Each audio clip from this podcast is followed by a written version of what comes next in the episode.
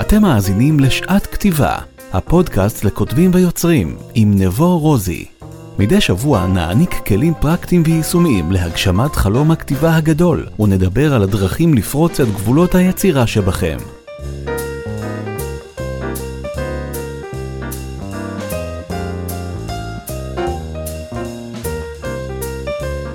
שלום וברוכים הבאים לפרק נוסף בפודקאסט שעת כתיבה, הפודקאסט מיועד לכותבים, לסופרים וליוצרים שבעצם נמצאים בכל שלב בתהליך, בין אם הספר שלכם כבר יצא לאור, בין אם אתם נמצאים בימים אלו בתהליכי הכתיבה ובין אם מעולם לא כתבתם מילה אחת, הפודקאסט הזה נוצר ומיועד בשבילכם ועבורכם. והנושא שלנו לפרק היום הוא סדנאות כתיבה בשנת 2021 בישראל, ואני לא חושב שאמרתי את זה עד היום, אנחנו כבר בפרק 9, אבל הדרך שבה אני מתכונן לכל פרק בפודקאסט, זה שאני פשוט בוחר לעצמי נושא אחד לדבר עליו. אני לא עושה לעצמי רשימות או קבצי וורד או אה, יושב עם מחברת ועובר על רשימת נושאים, אז הכל הוא באמת קורה באופן אינטואיטיבי. הרבה פעמים אני מסיים את הפרק ואומר לעצמי, איי, איך שכחתי לדבר דווקא על הנושא הזה, זאת הסיבה שרציתי לדבר על הנושא הספציפי הזה, אבל הכל קורה פה אינטואיטיבי, ובאמת הנושא שאני רוצה לדבר עליו היום אה, הוא סדנאות כתיבה בישראל, ואני חושב שההחלטה ללכת לסדנת כתיבה היא מגיעה מהמקום שאתה אומר לעצמך או את אומרת לעצמך, הגיע הזמן להפוך את התחביב שלי למציאות. ובכל פעם שאני מעביר סדנת כתיבה למתחילים, השאלה הראשונה שאני נוהג לשאול את משתתפי ומשתתפות הסדנה היא, כמה זמן אתם כותבים? חלק מהמשתתפים התחילו לכתוב רק בשנה האחרונה, חלקם התחילו לכתוב לפני חמש שנים, והאמת, הרוב הגדול משיב מאז ומתמיד, או מאז שאני זוכר את עצמי. ואם אתם נמנים בין הכותבים שעוסקים במלאכה מאז שהם זוכרים את עצמם, אה, ואם הכתיבה פרצה לחיים שלכם בחמש השנים האחרונות, ואפילו אם זה קרה בשנה או בשנתיים האחרונות, אני מאמין לגבי כל אחד ואחת מכם, על אף שאני לא מכיר עדיין את רובכם, שהגיע הזמן לקחת את הכתיבה שלב אחד קדימה וללמוד מהטובים ביותר בתחום, אז איך מתחילים? בדיוק כמו שאני נוהג להגיד, ואני חושב שאמרתי את זה בפרקים הקודמים כבר בפודקאסט, אנחנו צריכים ללמוד להתנהל מול שני סוגי שיפוטיות. השיפוטיות הראשונה היא הפנימית שלנו, האם אנחנו כותבים מספיק טוב, האם הכתיבה שלי מספיק טובה בעיניי. והשיפוטיות השנייה היא השיפוט, השיפוטיות החיצונית.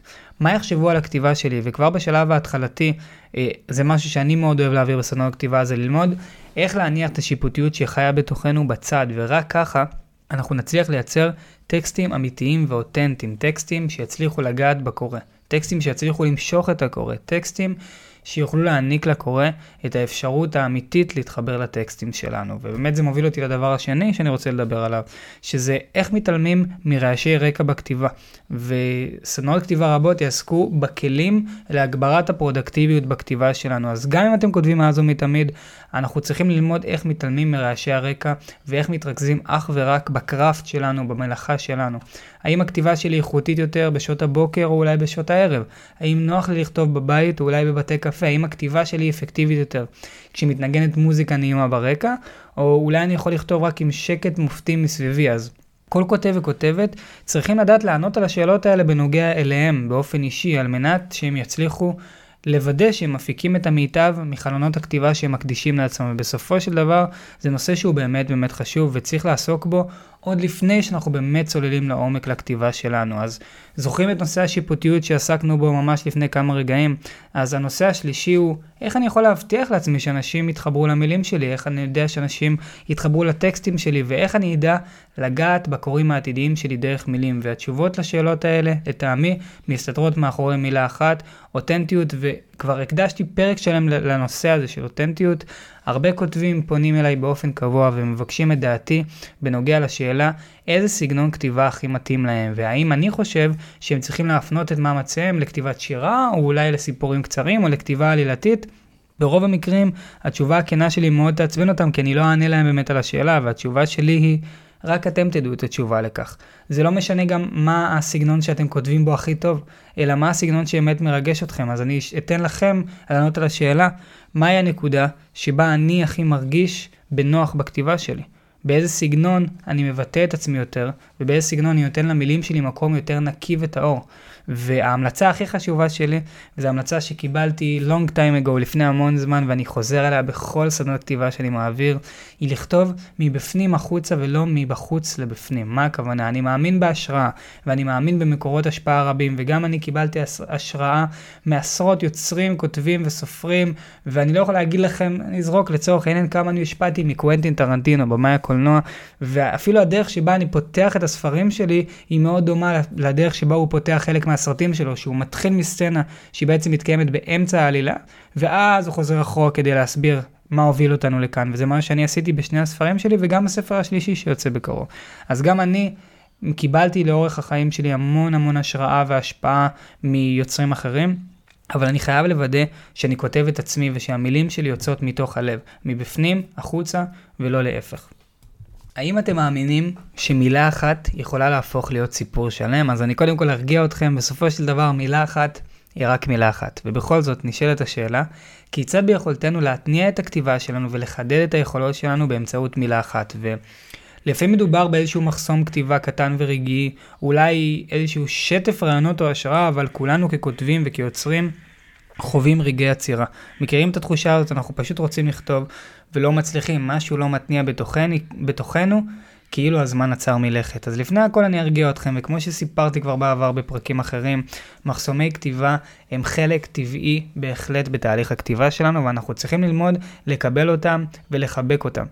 ובעיקר לא להתרגש מהם יותר מדי, וזה פשוט משהו שקורה, אני לא יכול להגיד לכם שהכתיבה שלי קורית באופן חלק, אפילו שאני מלמד כתיבה, גם אני נתקע לפעמים, ואחד התרגילים האהובים עליי כשאני מעביר סדנאות כתיבה הוא תרגיל כובע הקסמים, אני מבקש מכל אחד מהמשתתפים לכתוב מילה אחת על פיסת נייר קטנה. לאחר מכן, אני מבקש מהם לכמת את פיסת הנייר ולהכניס אותה לכובע. בכל פעם שאחד מהמשתתפים בסדנה מרגיש איזושהי תקיעות או מחסום כתיבה קל ברצף של הכתיבה שלו, אני מושיט את הכובע לכיוונו. הוא מושיט את היד לתוך הכובע והוא שולף מתוך הכובע מילה אחת. ומה שהוא צריך לעשות זה להמשיך את הטקסט או את הסיפור שהוא כתב לפני כמה רגעים עם אותה מילה.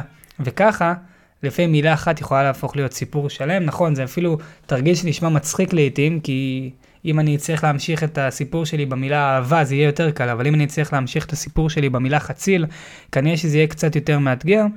תאמינו לי, זה כמעט תמיד עובד וזה טיפ חשוב מאוד שתיקחו כאן. אז כל מה שאמרנו עד עכשיו, בעיקר בעיקר עוסק בכתיבה למתחילים, זאת אומרת איך מתניעים את תהליך הכתיבה שלנו, וכשאנחנו מדברים על סדנת כתיבה לכותבים מתקדמים יותר, אנחנו בעצם יוצאים למסע במעמקי הים. אז אם עד עכשיו דיברנו על שיטות לכתיבה אפקטיבית וכלים להתעלמות מרעשי רקע, ונושאים גם קצת יותר עמוקים, כמו איך לגעת באנשים דרך המילים, ואיך לספר סיפור שלם בעזרת מילה אחת, עכשיו אנחנו נצלול קצת יותר לעומק. אז איך אני קובע דדליין ועומד בו בגבורה, ואני מאמין שההבדל בין חלום לבין ההגשמה שלו נמצא בתכנון לפרטים הקטנים ביותר. כי אני מאמין שחלום ללא תוכנית עשוי להישאר במגירה למשך שנים רבות וארוכות. אז איך אנחנו יכולים לקבוע דדליין שמצד אחד יאתגר אותנו וידחוף אותנו למתוח את גבולות היצירה, אבל מהצד השני יהיה גם ריאלי. אז קודם כל, אנחנו צריכים להבין מה המטרה הראשית שלנו. אם אנחנו מכוונים לכתוב ספר עלילתי, אם אנחנו רוצים לכתוב אסופת סיפורים קצרים או מקבץ שירים, ברגע שהמטרה הראשית צלולה וברורה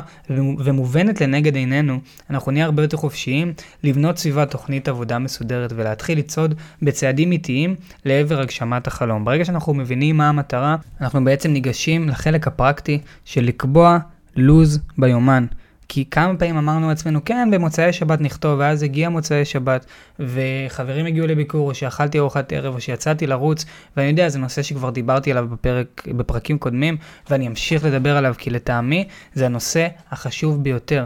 זה הפער בין חלום של אולי אני אכתוב ספר, לבין אני עכשיו כותב ספר. אני בכל בוקר בתשע בבוקר כותב ספר, ואמרתי את זה כבר ואני אגיד את זה שוב.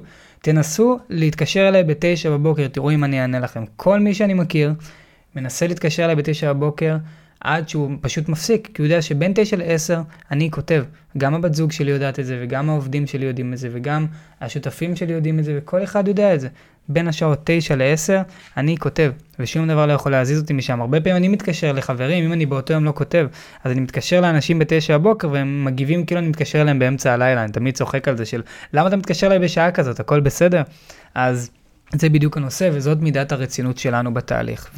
והנושא הבא שאני רוצה לדבר עליו הוא היכן נמצאים הרעיונות הטובים ביותר. איך אנחנו יכולים להתעורר כל בוקר עם רעיון חדש. איפה נמצאת, אני אוהב לקרוא לה ממלכת הרעיונות, ואיך רוכשים כרטיס טיסה לעבר אותה ממלכה מיוחדת. ונושא ההשראה הוא נושא בוער, וזה נושא שמדברים עליו הרבה, ואנחנו עוסקים ביצירת השראה מכלום. מהם הכלים היישומיים והפרקטיים להתניע את התהליך מאפס בכל יום. איך אנחנו מייצרים נושא כתיבה ברור. כי ברגע שאנחנו מגיעים לנקודת ההשראה בתהליך, גבולות היצירה באופן אוטומטי הופכים להיות מאוד מאוד מטושטשים, ובאופן טבעי הדרך להגשמה הופכת להיות הרבה הרבה יותר צלולה. והדבר האחרון שאני הולך לדבר עליו בהקשר של מה לומדים בסדנאות כתיבה זה פשוט ה networking הספרותי שנוצר, כי המתנה החשובה ביותר שכל כותב וכותבת מקבלים בתהליך, הם יקבלו אותה ברגע שהם ידרכו בחדר הסדנה. בחדר שבו נערכת הסדנה בעצם, כי מדובר בהיכרות מקיפה עם כותבים ויוצרים רבים, שבעצם נמצאים בסיטואציה מאוד מאוד דומה לסיטואציה שבה אתם נמצאים, וגם הם בדיוק כמוכם, שואפים לקבל כלים לכתיבה שלהם, ודרך ההיכרות הזאת ודרך הנטוורקינג שאתם יוצרים עם שאר משתפי הסדנה, אתם תספגו כמות אדירה של השראה יומיומית, והיא כשלעצמה מצדיקה את ההחלטה לקום מהכיסא, מכס הכתיבה הבודד שלכם, ולצאת לעולם של למידה, ובזכות זה תצליחו גם להפרות את עצמכם ולעטוף את עצמכם בהשראה ענקית, ואני רוצה לדבר על MasterClass. MasterClass זה בעצם, זה אתר לקורסים אונליין שבעצם נוצר בשנת 2014 בסן פרנסיסקו שבארצות הברית, ואין לי שום קשר אישי לאתר הזה, אני פשוט עוד לקוח מרוצה, וככה אני התנעתי את תהליך הכתיבה שלי. אז אם אין לכם בעיה עם תכנים באנגלית, זה אתר שבעצם מציע קורסים בכל תחום, דרך מדע וטכנולוגיה, עסקים, תרבות, מוזיקה, אפילו בישול, ויש איזה שהם כמה קורסים שאני חושב שהם פשוט מדהימים, שיכולים פשוט להעיף את הכתיבה שלכם לשלב אחד קדימה. ואני תמיד הרגשתי, זאת הסיבה שאני ניגש לעולם הזה של סדנאות כתיבה, וגם הפודקאסט הזה, אני תמיד האמנתי שאין מספיק הדרכה בעברית. ו... אני רוצה לדבר איתכם על כמה קורסים מדהימים שאני לקחתי במאסטר קלאס שיכולים לעזור לכם. אז קודם כל, מרגרט אטווד, קורס הכתיבה הכי טוב שאני לקחתי באתר. היא כתבה יותר מ-15 רבי מכר. הכי מוכר ביניהם זה סיפורה של שפחה שהפך לימים לסדרת טלוויזיה מאוד מאוד מצליחה. ולאורך הקורס בעצם, מה שהיא עושה, היא עוסקת בהמון המון נושאים, כמו איך לבנות סיפור אה, שינצח את מבחן הזמן, ואיך לעשות אותו רלוונטי לנצח, ואיך בונים מבנה ברור לסיפור, איך כותבים בעצם את הדמויות שלי. ועוד קורס מאוד מאוד מומלץ זה הקורס של שונדה ריימס. סביר להניח ששונדה ריימס היא אחת היוצרות הכי עסוקות בעולם היום. היא הייתה אחראית לאנטומיה של גריי והיא הייתה אחראית לסקנדל, ובמקרה בשנת 2021 היא הצליחה לשלוף עוד שפן מהכובע עם הסדרה המדוברת ברידג'רטון, שבעצם יצאה בנטפליקס והפכה תוך חודש לסדרה הכי נצפית אי פעם בפלטפורמה, ובעצם בסדנה שלה היא מדברת על איך כותבים את הפרק הראשון בסיפור שלי, ואיך אני יכול לבלוט בעולם עמוס בטקסטים, ואני אחזור שוב. באופן אישי אין לי שום קשר לאתר הזה, מעבר לזה שאני רק לקוח מרוצה. אה, לי זה אתר שמאוד מאוד מאוד עזר, ועד כאן בעצם הנושא לפרק היום. אני רוצה להודות לכם שהצטרפתם אליי. ואם אתם מאזינים לפודקאסט בכל מיני פלטפורמות כמו אפל פודקאסט ובספוטיפיי ובגוגל פודקאסט ויש לכם אפשרות לעקוב אחרי הפודקאסט ולעשות פולו דרך אחת הפלטפורמות או לשם שינוי לתת איזשהו או איזושהי המלצה כדי לתת לכותבים ויוצרים נוספים את היכולת לשמוע את הפודקאסט ולחדד את יכולות הכתיבה שלהם, אני באופן אישי אעריך את זה מאוד ושוב אני רוצה להודות לכם שהצטרפתם אליי לפרק נוסף שוב, הפרקים האלה הם קורים בהילוך מאוד מאוד מהיר, אנחנו מתחילים בהילוך ראשון, אבל מהר מאוד אנחנו מגיעים להילוך חמישי. אז שוב, אני רוצה להודות לכל אחד ואחת מכם שהצטרפו אליי, ואנחנו ניפגש בפרק הבא של שעת כתיבה. להתראות.